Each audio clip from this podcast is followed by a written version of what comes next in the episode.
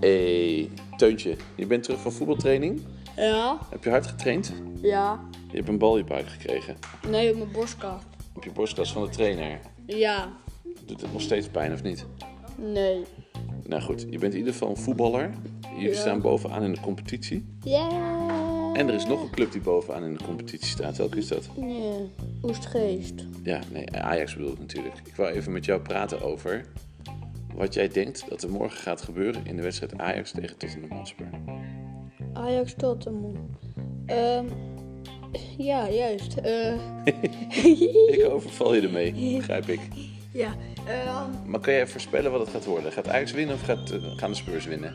eh, ik, vind- ik denk dat het een eh, gelijkspel wordt. Oh, dat is niet goed. Een- of een 1-0, Voor wie? gok ik.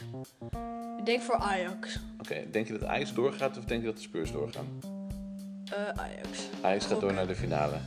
Ja, Die gaan spelen tegen Barcelona. als ze winnen van Liverpool. Oké, en wat, eh, wat denk jij vanavond? Wat denk je vanavond? Voor Liverpool Barça? Ik Ja. denk dat Barça wint, maar... Oké, Want Mohamed Salah is eh, geblesseerd.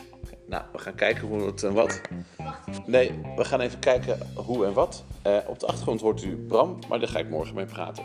Dus eh, helaas pindakaas. Maar dit was wel de Liverpool heeft vierde aflevering van de Vader en Zoons podcast. wel een beetje laat, mensen. En wel een beetje laat mensen en eh, tot snel. Hoi.